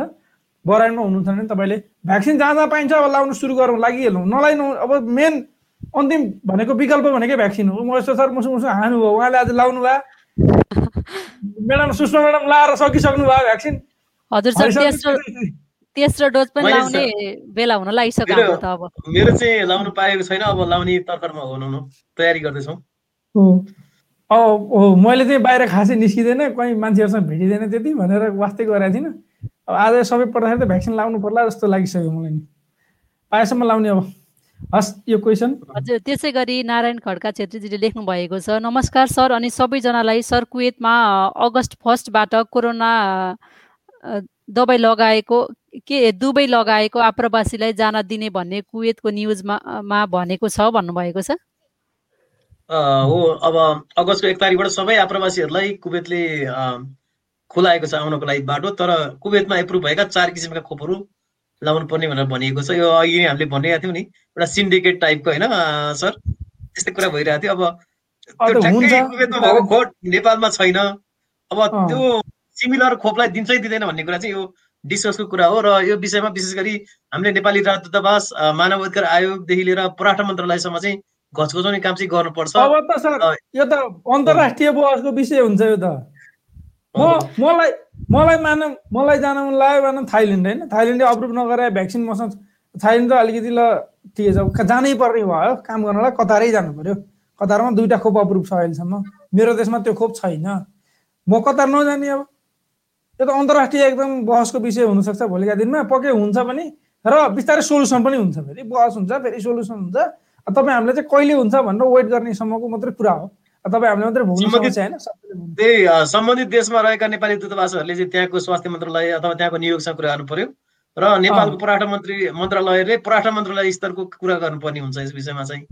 अ, तर एम्बेसीले त त्यो कुरा नगर्ला तर पराष्ट्र मन्त्रालय मन्त्रालय बिच चाहिँ कुरा हुनुपर्छ नत्र धेरै श्रमिकहरूलाई समस्या पर्न सक्छ। त्यही पनि स्वास्थ्य मन्त्रालयले अब त्यही हो एप्रुभ एप्रुभ गरिदियो भने सजिलो हुन्थ्यो सबै चिजहरू। अनि त्यसमा पनि दुईटा जति त्यसमा पनि यस्तो रहेको छ नि त जस्तै अब हामीले अगाडि नै कुनै भ्याक्सिन लगाइसकेका छौँ भने रेगुलर रूपमा अर्को भ्याक्सिन पाए तापनि न लगाउन नपाइने खालको कन्डिसन पनि छ। केही समय हामीले वेट गर्नुपर्ने स्थिति हुन्छ। यसले झन् समस्या निम्ताउन सक्छ होइन? त्यो कारणले गर्दा सकेसम्म मिलेसम्म अघि आरपी सरले भन्नुभयो जस्तै अब हामीलाई जुन सहज हुन्छ त्यो लाउन पाउँदा त बेटर हो। तर अब अप्सन नहुँदाखेरि त फेरि जुन मिल्छ त्यही नै लगाउनु पर्ने हुन्छ। लाउनै पाइएन भने त म्याडम त्यही त हो नि। अब के अ, त्यसै गरी यहाँ लक्ष्मण कुँवरजीले लेख्नु भएको छ गुड आरपी सर लगायत सम्पूर्ण टिमलाई अ, धेरैभन्दा धेरै धन्यवाद। बाट म के लेख्नु भएको छ यहाँ? धन्यवाद म नि सुन्दैछु दुबई सोनापुरबाट सुन्दैछु म हरेक हप्ता सुन्छु मलाई हजुरको कार्यक्रम साह्रै मनपर्छ भन्नुभएको छ। Thank you so much Laxman कुँवरजी। त्यसै गरी सोमराज तामाङजीले लेख्नु भएको छ दुबईबाट नेपाल छुट्टी जान मिल्छ कि मिल्दैन सर? कम्पनीले भ्याकेसन दिएको छ यहाँ स्टाफहरूलाई भन्नुभएको छ। अब दुबईबाट त्यो तपाईँको इच्छा हो तपाईँले टिकट पाउनुभयो नेपाल गएर केही समय बसेर फर्किन्छु भन्नुभयो। अनि तपाईँलाई यो पनि लाग्यो कि नेपालमा अड्किहाल्यो भने केही समस्या पर्दैन अलि समय भन्ने लाग्छ भने चाहिँ छुट्टी जान सकियो। होइन भने पन्ध्र बिस दिन एक महिनाको डेढ महिनाको छुट्टी लिएर अहिले नेपाल जानु जाने गइयो भने अप्ठ्यारोमा पनि पर्न सकिएला कि? तपाईँको अवस्था कस्तो छ थाहा भएन। नेपालमा किनभने नेपालमा अहिले धेरै साथी अड्किनु भएको छ। सोमराजी अहिले नेपालमा धेरै साथी अड्किनु भएको छ फर्किनु नपाएर किनभने युएमा जान पाइँदैन। युएले नेपालबाट आउने फ्लाइट नै फ्लाइट भन्दा नि युएबाट आउने नेपालबाट आउने यात्रुलाई बन्द गरिदिएको छ। एक त फ्लाइट छैन। एक महिनामा दुईवटा फ्लाइट छ त्यही पनि आजदेखि बुक भइसक्यो सबै। भनेपछि तपाईँ अलिकति ध्यान दिनुहोस् त्यसमा। अलिकति पछि अलिकति सहज हुन्छ धेरै मान्छेले भ्याक्सिन लाउँछन्। तपाईँले पनि दुईवटा भ्याक्सिन डोज लगाइहाल्नुहोस् बरु लाउनु भएको छैन भने। भ्याक्सिन लगाएपछि अलिक पहिला फ्लाइटहरू रेगुलर भयो भने तपाईँले भ्याक्सिन द मजा लाउनुहोस् होइन? दुई डोज त्यसपछि चाहिँ सहज होला जस्तो लाग्छ। सबभन्दा बेटर आइडिया हुन्छ होला? होइन विशेष गरी हाम्रो साथीहरूलाई हामी के भन्छ भने तपाईँहरू जो जो- जहाँ हुनुहुन्छ नि घर फर्किने तयारीमा हुनुहुन्छ भने डोज दुइटै डोजको भ्याक्सिन लगाइसकेपछि मात्रै फर्किनु होला। त्यो भने अलिकति फर्किन सजिलो हुन्छ। त्यसपछि आफ्नै अनि कर्म थलो फर्किन सजिलो हुन्छ होइन? जन्म थलो गएर। हजुर सर अहिले यो। भ्याक्सिनको कुराले त धेरैजनालाई एकदमै इस्यु नै बनाउने भयो किनकि अब क- अस्ति कति साथीहरू भ्याक्सिन नलगाइकन नै नेपाल फर्काउनु भएको छ होइन? अब यहाँ रिटर्न हुने टाइममा उहाँहरूले नेपालबाट भ्याक्सिन लगाउनु पाउन भएन भने या त लगाइहाल्नु भएर यहाँ रजिस्टर गरेका भ्याक्सिन पाउनु भएन भने त एकदमै समस्याको विषय रह्यो नि त यो त। उहाँहरू आउनै पाउनुहुन्न अहिले। अहिलेको नियम हजुर। अहिले तत्काललाई चाहिँ अहिले तत्काल हो। भनेअनुसार चाहिँ कोही पनि आउनु पाउनुहुन्न। तर अब बिस्तार डिप्लोमेटिक कुराहरू भयो भने उहाँहरूले एक्सेप्ट गर्नु भने हुन सक्ला होइन? हजुर। तर डिप्लोमेटिक र सिटिजनहरूलाई बाहेक भनेको छ यो चाहिँ त्यो के यहाँ क्वेसन थियो म्याडम के हजुर सोम विकजीले लेख्नु भएको छ युएबाट नेपाल छुट्टीमा जानको लागि मिल्छ कि मिल्दैन सर म्याडम? कम्पनीले छुट्टी पास गरिसकेको छ भन्नुभएको छ। यसको क्वेसन एन्सर अघि हामीले क्लियर भनिसकेको छौँ। हजुर, हजुर। हजुर अ, त- अ, त्यसै गरी नमस्ते हजुर म कुवेतबाट हो। इलिगलको लागि के कस्तो छ होला? हजुर प्लिज भनिदिनुहोस् न भन्नुभएको छ। उहाँलाई चाहिँ म के अनुरोध गर्छु भने तपाईँ अवैधानिक हुनुहुन्छ अथवा तपाईँसँग अनडकुमेन्टेड हुनुहुन्छ भने चाहिँ एकपल्ट नेपाली दूतावासमा सम्पर्क गर्नु होला त्यहाँको हटलाइनहरू हामीले बेला बेलामा सेयर गरिरहेका हुन्छौँ। त्यहाँ तपाईँले जानुहोस् त्यसपछि आफ्नो सबै डिटेल दिएपछि त्यहाँबाट तपाईँसँग के छ कि छैन सबै कुराहरू हेर्छन् होइन? अ, त्यसकारण तपाईँले विशेष गरी अहिले धेरैको एउटा कम्प्लेन छ एम्बेसीको फोन उठ्दैन भनेर। तपाईँले अफिस आएर कल गर्नुहोस् नेपाल एम्बेसीको हटलाइनहरू म यहाँ सेयर गर्छु। Nine double eight six nine one two one यो यो मोबाइल हो। यो चाहिँ अफिस आवरमा मजाले उठ्छ धेरैको उठ- उठेको छ। त्यसकारण तपाईँलाई समस्या छ भने एकपटक एमबिसी जान सकिन्छ भने जानुहोस् नभए भने हटलाइनमा कल गर्नुहोस् अथवा फेसबुक पेजमा पनि लेख्न सक्नुहुन्छ तपाईँले म्यासेज। र अवैधानिक रूपमा रहेका साथीहरूलाई फर्किनलाई अहिले तत्काल अलिकति गाह्रो किन छ भने धेरैजना चाहिँ तपाईँको डिपोर्टेसन मा जुन घर फर्किने क्रममा रोकेर बस्नु भएको छ फ्लाइट नभएको कारणले अस्ति तपाईँहरूले हामीले भनेका थियौँ चारजना साथीहरूको सब लिउन पनि कतार हुँदै ल्याइएको छ। त्यसकारण अब बिस्तार अर्को हप्ताबाट फ्लाइट अलिक रेगुलर भयो भने लागि त फ्लाइटै छैन। त्यसकारण तपाईँहरू दुबई हुँदै कतार हुँदै आउनुपर्ने हुन्छ। त्यसकारण जानै पर्ने अवस्थामा भए मात्रै र दूतावासमा गएर सम्पर्क गर्नुहोस्। आफ्नो प्रब्लम पहिला के छ कि छैन होइन सबै गर्नुपर्ने कानुनी कुराहरू गर्नुहोस्। त्यसपछि तपाईँ आउन पाउनुहुन्छ। निल थापा मगरजीले लेख्नु भएको छ सर मेम श्रमिक सञ्जालमा लाइभ हेरेर बस्ने सबैमा मेरो नमस्कार म साउदीबाट हेर्दैछु। सर मैले फर्स्ट डोज कोभिड भ्याक्सिन लगाएको डेढ महिना भयो र सेकेन्ड डोजको भ्याक्सिनको लागि केही जानकारी भएन र यसको लागि साउदीले के कस्तो रणनीति ल्याएको छ जानकारी पाएँ। म लगायत जानकार नभएको सम्पूर्ण साथीहरू आभारी हुने थियौँ भन्नुभएको छ। सबभन्दा पहिला त मलाई यो। विषयमा साउदी अरबले र कुवेतले कुवेतले र साउदी अरबले एउटा नोटिस निकालेको थियो लास्ट विकतिर। त्यो जुन डोजहरू चलिरहेको थियो त्यो डोज अलिकति सर्टेज भएको हुनाले केही समयलाई होल्ड गरेको छ। र सरसर्ती डब्लुएचओले भनेअनुसार चाहिँ एउटा खोप लिएको तिन महिनाभित्रमा अर्को खोप चाहिँ लिइसक्नु पर्ने हुन्छ। बढीमा तिन। महिना भनेको छ।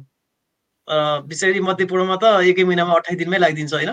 त्यस कारणले अब साउदी अरब र कुवेत दुइटैले एकपटक हामीले जुन अ, लगाइरहेको खोप चाहिँ केही समय आउट अफ स्टक हुनाले पर्खी भनेर न्युज के अरे यो प्रेस रिलिज निकालेको चाहिँ मैले लास्ट विकतिर देखेको थिएँ सायद त्यही कारण हुनसक्छ तर तपाईँको डेढ महिना भनेको फोर्टी फाइभ डेज भनेपछि सायद अब आउला सेकेन्ड डोजको तपाईँको तालिका तपाईँको त्यहाँको। एप्लिकेसनमा त्यहाँको त्यो एप्लिकेसनमा सबै कुराहरू हुन्छ? एप्लिकेसनमा हजुर उहाँले नाम भरिसकेपछि एउटा एप्लि एप्लिकेसनमा त आइसकिहाल्छ सबै कुरा एउटा डोज त लागेको डेट त भइहाल्छ अर्को डोजको लागि अब एकपटक कम्पनीमा नि कुरा गर्नु होला र सायद तपाईँलाई रोटेसनमा बोलाउने बेला भयो होला मोबाइलमा। म्यासेज आउँछ खास त।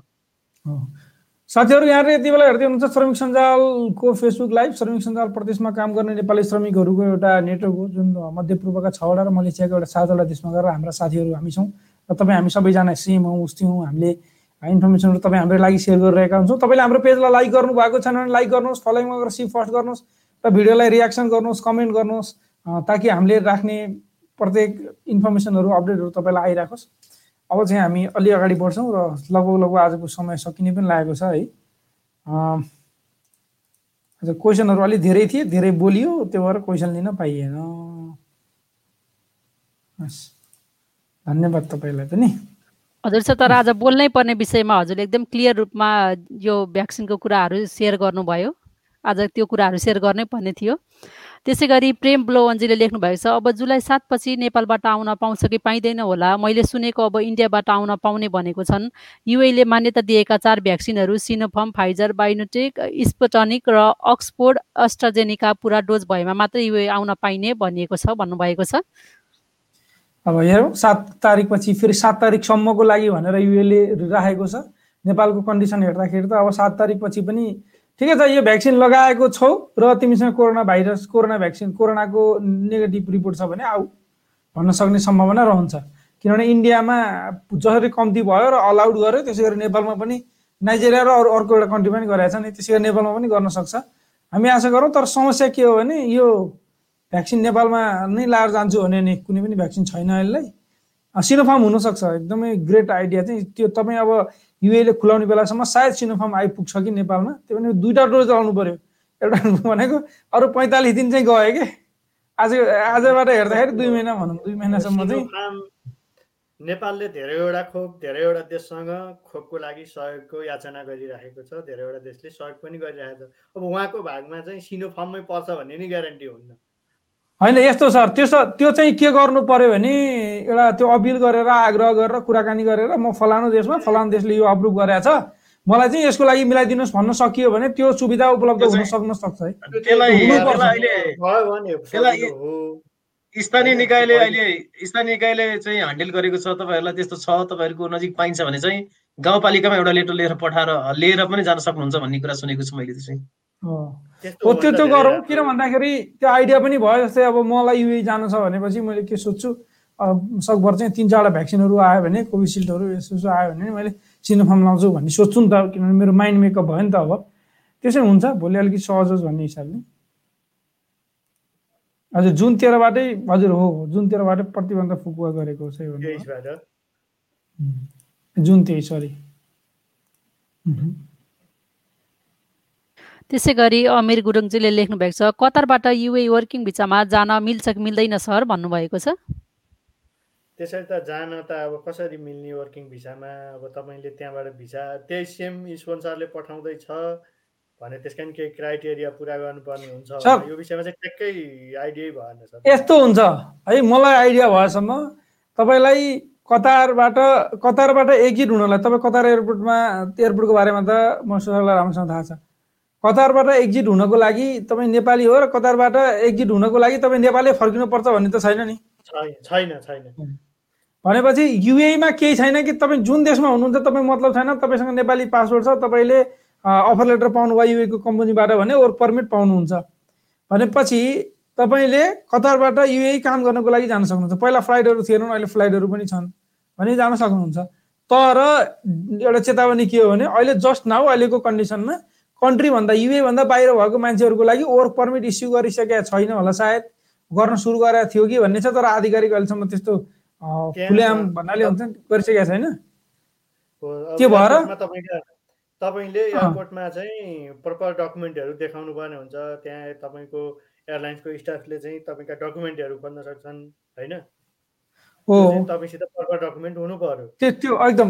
अन्त इन्ट्री भिसा भन्छ सुरुमा जुन वर्किङ भिसाको लागि जाने तर तर एउटा कुरा फेरि यसमा सबभन्दा इम्पोर्टेन्ट चिज के छ भने नेपालमा श्रम चाहिँ भ्यालिड हुँदैन त्यसको लागि। तपाईँले कतारमा काम गर्न जानुभएको थियो नेपाल सरकारको नजरमा तपाईँ कतारमा हुनुहुन्छ अहिले र कतारमा काम गराउनु भएको छ। भोलि के सब तपाईँ अप्ठ्यारो पऱ्यो भने कतारबाट मात्रै उद्धार गर्न सक्छ नेपाल सरकारले। तपाईँ अन्त देशमा जानुभएको थियो भने तपाईँ नेपाल सरकारको श्रमको तर्फबाट तपाईँले तपाईँ कामको हुनुहुन्न अब भन्नाले तपाईँ त्यो क्राइटेरियाभित्र आउनुहुन्न श्रमले दिने जुन सुख सुख सुविधाहरू छन् भनौँ कि अप्ठ्यारो हुँदाखेरि दिने सुविधाहरू चाहिँ केही पाइँदैन। त्यो कारणले गर्दाखेरि चाहिँ सकभर वैदेशिक रोजगारीमा एउटा कन्ट्री चेन्ज गरेर अर्को कन्ट्रीमा जाँदाखेरि हामीले वैदेशिक नेपालबाट वैधानिक रूपमा श्रम गरेर जाँदा राम्रो हुन्छ नम्बर वान नम्बर टू तपाईँ त्यही कन्ट्रीमा बस्नु भएको छ र कम्पनी चेन्ज गर्नु भएको छ श्रम सकिन लागेको छ भने पनि अनलाइनबाट श्रम गर्ने सुविधा भएको कारणले गर्दा हाम्रो पासपोर्टमा सधैँ श्रम भइराखोस्। यसो गर्दाखेरि धेरै हामी भवितव्यमा के आइहाल्यो भने यस्तो श्रम कल्याणकारी कोषबाट पैसा पाउँछ हाम्रो फ्यामिलीले भोलि हामी घाइते भइयो हाम्रो अङ्गभङ्ग भयो भने हामीले उपचार पाउँछौँ इन्सुरेन्सबाट पैसा पाउँछ हामीलाई हाम्रो इनकेस अफ हाम्रो डेथ भइहाल्यो भने हाम्रो बच्चाले बाह्र कक्षासम्म फ्रीमा पढ्न पाउँछ छात्रवृत्तिका साथमा। साथै धेरै चिजहरू छन् त्यो त्यो चिजहरू पनि त्यो लिन सकिन्छ। केही भएन भने त राम्रो नहोस् होइन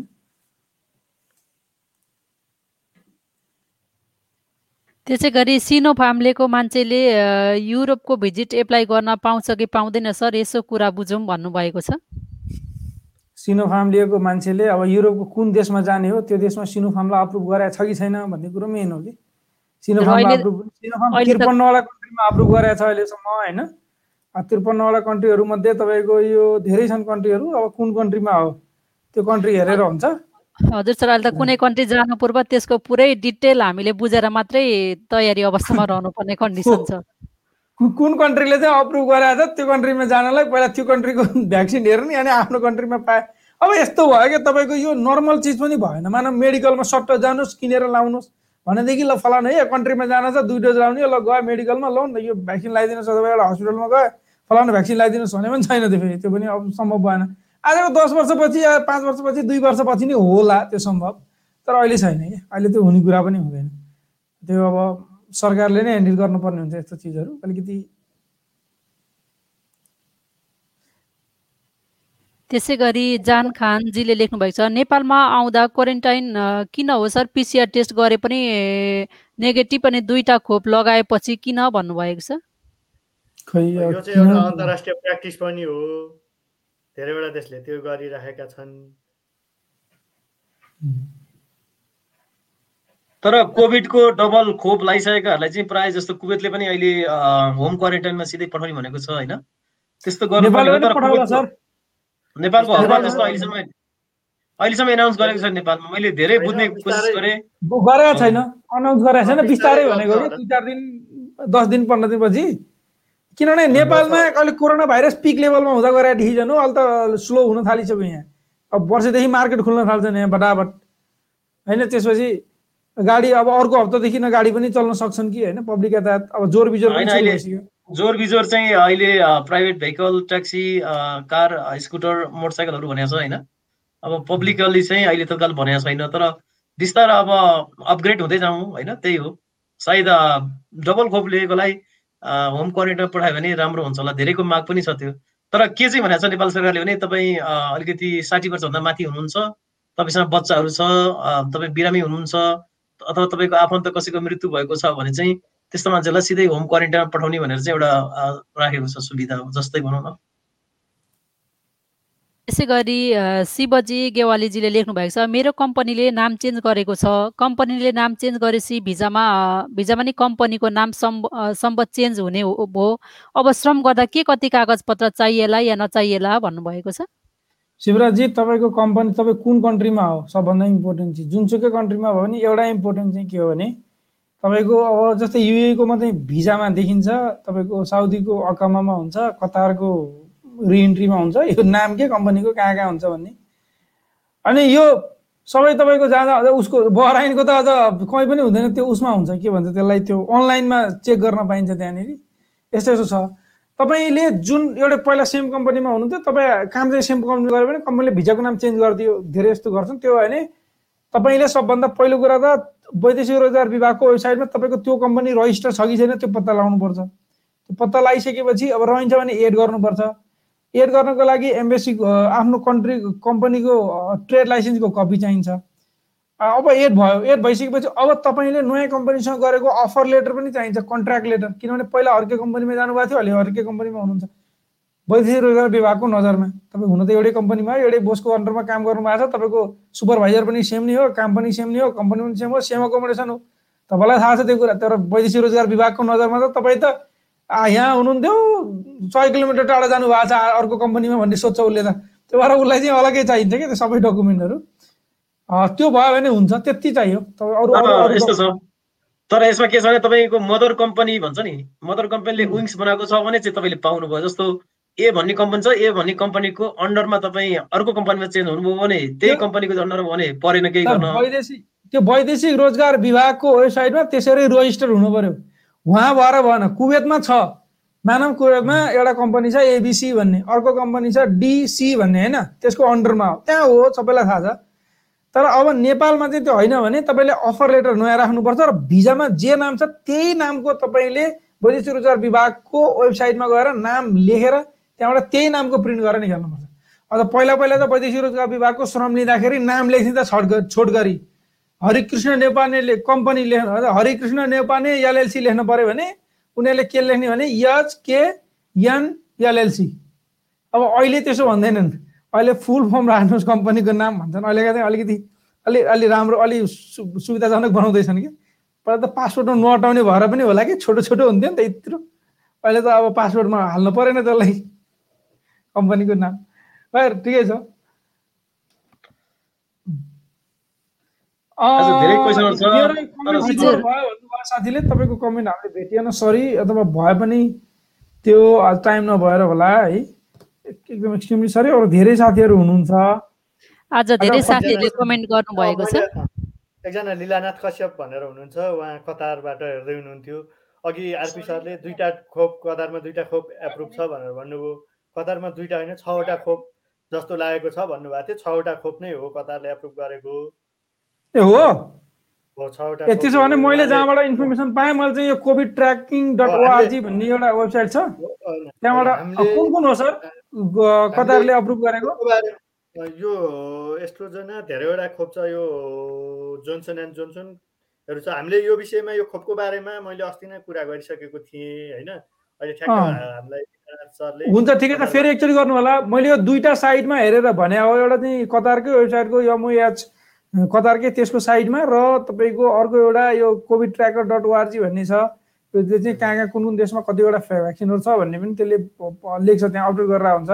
मैले चाहिँ कुवेत कतारकै वेबसाइटमा के अरे हेल्थको वेबसाइटमा पनि हेरेँ। हो हुन सक्ला कि? मैले अलिकति पुरानो हेरेँ। होला अहिले अपडेट भयो होला।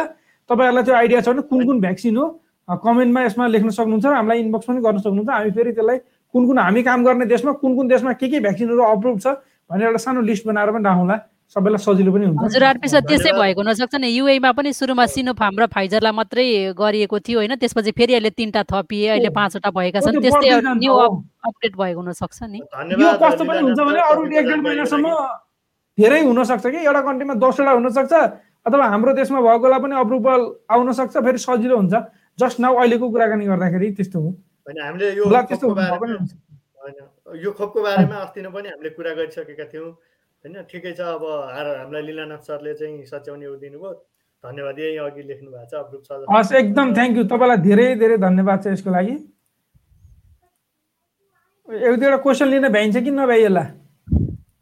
त्यसै गरी जित भारद्वाजजीले लेख्नुभएको छ नमस्ते सबै सर म्यामलाई। हजुर सर म्याम इन्डिया र साउथ अफ्रिकालाई मात्र भ्याक्सिन मस्ट भनेको छ। नाइजेरियाको लागि भ्याक्सिन मस्ट भनेको छैन बट नरेश सरले कसरी भन्नुभयो नेपाललाई पनि भ्याक्सिन मस्ट हुन्छ भनेर भन्नुभएको छ। होइन उहाँले नेपाललाई मस्ट भनेर भन्नुभएको होइन। युए आउनको लागि चाहिँ यति भ्याक्सिन लगाएकै हुनुपर्छ भन्नुभएको छ। अब कुन कुन कन्ट्रीको लागि भनेर बोलाइएको छैन। तर यो हुनुपर्छ भनेर चाहिँ तोकिएको छ सर।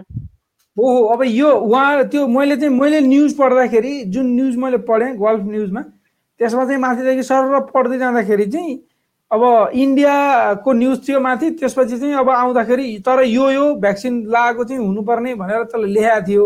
अब त्यो मलाई आफैलाई पनि डाउट के भएर मैले हजुरलाई पनि सोध्नुको कारण आफैलाई डाउट पनि के भएर सबै कन्ट्रीको लागि मात्रै हो कि? अथवा इन्डियाको लागि मात्रै हो। त्यो चाहिँ सायद सायद अब युएले नै क्लियरिफाई गर्ला अथवा यो युएमा भएका एक दुईवटा त्यो वेबसाइटहरू न्युज साइटहरूले आफैले पनि त्यसको विषयमा हाम्रा जस्तो क्वेसन गर्ने अरू पनि छन् नि त पक्कै। तिनीहरूले पनि सोधी खोजी गरेर यसको बारेमा अलिकति डिटेलमा लेख्छन्। सायद एक दुई दिनमा अझै डिटेलमा थाहा हुन्छ होला। त्यस्तो भयो भने सजिलो हुन्छ। तर फेरि एउटा कुरा सिधा भन्दाखेरि के हो भने आज नभए भोलि भोलि नभए पर्सि यो रुल्स चाहिँ हुन्छ हुन्छ दुनियाँमा। जुन तपाईँ दुईवटा डोज लागेको हुनुहुन्छ भने अब आउनु छैन भने चाहिँ अब आउनु दिनु भनेर बिस्तारै त्यो चाहिँ हुन्छ हजुर आरपी सर त्यसको लागि अब हामीले अपडेट गर्नुपर्ने हुन्छ। अहिले तत्कालीन त्यति देशलाई मात्रै खुला गरिएको हुँदाखेरि त्यही देशको लागि पनि हुन सक्ला या त अरू देशको लागि अब अर्को नियम पनि आउन सक्ला। अब के हुन्छ होइन त्यही अनुसार हामीले अपडेट गर्दै जानुपर्ने हुन्छ। तर यो यी। देशका लागि भनेर त्यसरी त्यो के जस्तो चाहिँ लाग्दैन। बाहिरबाट आउने व्यक्तिले दुईवटा को- यहाँ रजिस्टर भइसकेका भ्याक्सिनहरू दुइटै डोज कम्प्लिट गरिसक्नुपर्ने छ भनेर चाहिँ तोकिएको छ सर? हजुर। सबै हजुर। सबै आप्रवासीहरू कुनै पनि नेसनालिटी भन्दा नि सबै आप्रवासीहरूको लागि भन्ने कुरा चाहिँ आएको छ। मैले यो बारेमा सोधेको पनि थिएँ साथीहरूसँग। तर। केही चेन्ज भयो भने हामी फेरि यसलाई खबर गरौँला यहाँ होइन। हजुर सर फेरि युएमा चाहिँ हामीले अपडेट एकदमै सेयर गरिरहनु पर्ने हुन्छ किनकि दुई चार दिनमा एक हप्तापछि पनि कति नियमहरू परिवर्तन भइरहेका हुन्छन् र अस्तिको हप्ता यो थियो आज के भयो भनेर हामीले चाहिँ एकदमै निरन्तर रूपमा अपडेट लिइरहनु पर्ने हुन्छ। हो। र कुवेतको कतारको कुराकानी गर्ने भने मैले एउटा लिङ्क सेयर गरेको छु। साथीहरूले हेर्न सक्नुहुन्छ कतारको आधिकारिक वेबसाइट नै हो। एमओपिएस डट जिओभी डट क्युए त्यसमा पनि the Pfizer and BioNTech and Moderna COVID nine vaccine have been approve for emergency use by the department of pharmacy and pharmaceutical control by ministry of public health भनेर भनेको छ। सायद त्यो भनेको त्यो दुइटै भयो होइन। त्यही भएर मैले त्यही कारणले गर्दा त्यो भनेको छवटा हो भने प्लिज हाम्रो साथीले जसले छवटा अप्रुभ भन्नुभयो यसो भेट्नुहुन्छ भने कतै लेखेर पठाउनु होला होइन भने हामी पनि खोजी गरौँ होला। अरू हामी अपडेट दिँदै जानेछौँ। आजको लागि यति नै गरौँ होला। हुन्छ। एक घन्टा तिन मिनट भयो। आज हामीले लामो गरिसक्यौँ। धेरै साथीहरूले धेरै क्वेसनहरू पनि सोध्नु भएको थियो आज। त्यही पनि हामीले कति साथीहरूको कमेन्टहरूलाई अझै समेट्न सकेनौँ। एक घन्टा गरिसक्दा पनि। र यसको लागि हामी एकदम हृदयदेखि माफी चाहन्छौँ र तपाईँलाई एउटा आग्रह के पनि छ भने हामी अरू दिन कहिलेकाहीँ त हामीलाई कस्तो पनि हुन्छ भने कमेन्ट थोरै हुन्छ हामी हामीसँग समय धेरै हुन्छ। त्यस्तो अर्को दिन हुनसक्छ। त्यसैले तपाईँ अर्को हप्ता पनि हेर्नु होला हामीलाई। अर्को हप्ता पनि क्वेसन गर्नु होला अर्को हप्ता चाहिँ हामी तपाईँको प्रश्नको उत्तर पक्कै दिनेछौँ। एकदम कमिटमेन्ट गर्छौँ बाचा गर्छौँ तपाईँको दिनेछौँ। त्यो दिन बरु अरू पछि आउने साथीको चाहिँ नदिउँला। तपाईँको चाहिँ पक्का दिन्छौँ। त्यसैले आउनु होला अर्को हप्ता। हाम्रो लाइभ हेर्नु होला र त्यसै गरेर मैले अन्तिममा जस्तै अब हामीले आज सन्डेको हामीले लाइभ गऱ्यौँ भने बिचमा कति अपडेटहरू पनि आइरहेका हुन्छन्। इम्पोर्टेन्ट अपडेटहरू हामीले ग्रुप तथा श्रमिक सञ्जाल पेजमा सेयर गर्छौँ। र हाम्रो लाइभ आउनु पूर्व पनि हजुरले पेज र ग्रुपमा चाहिँ चेक गरिरहनु होला नयाँ अपडेटहरू पाउन सक्नुहुनेछ। अहिले जस्तै हामीले भनेको अपडेटहरूमा केही फर- फेरबदल पनि हुन सक्नेछन्। एकदमै। अहिलेको लागि छुट्यौँ हस् त जहाँ हुनुहुन्छ जस्तो हुनुहुन्छ स्वस्थ रहनु होला सुरक्षित रहनु होला नमस्कार आफ्नो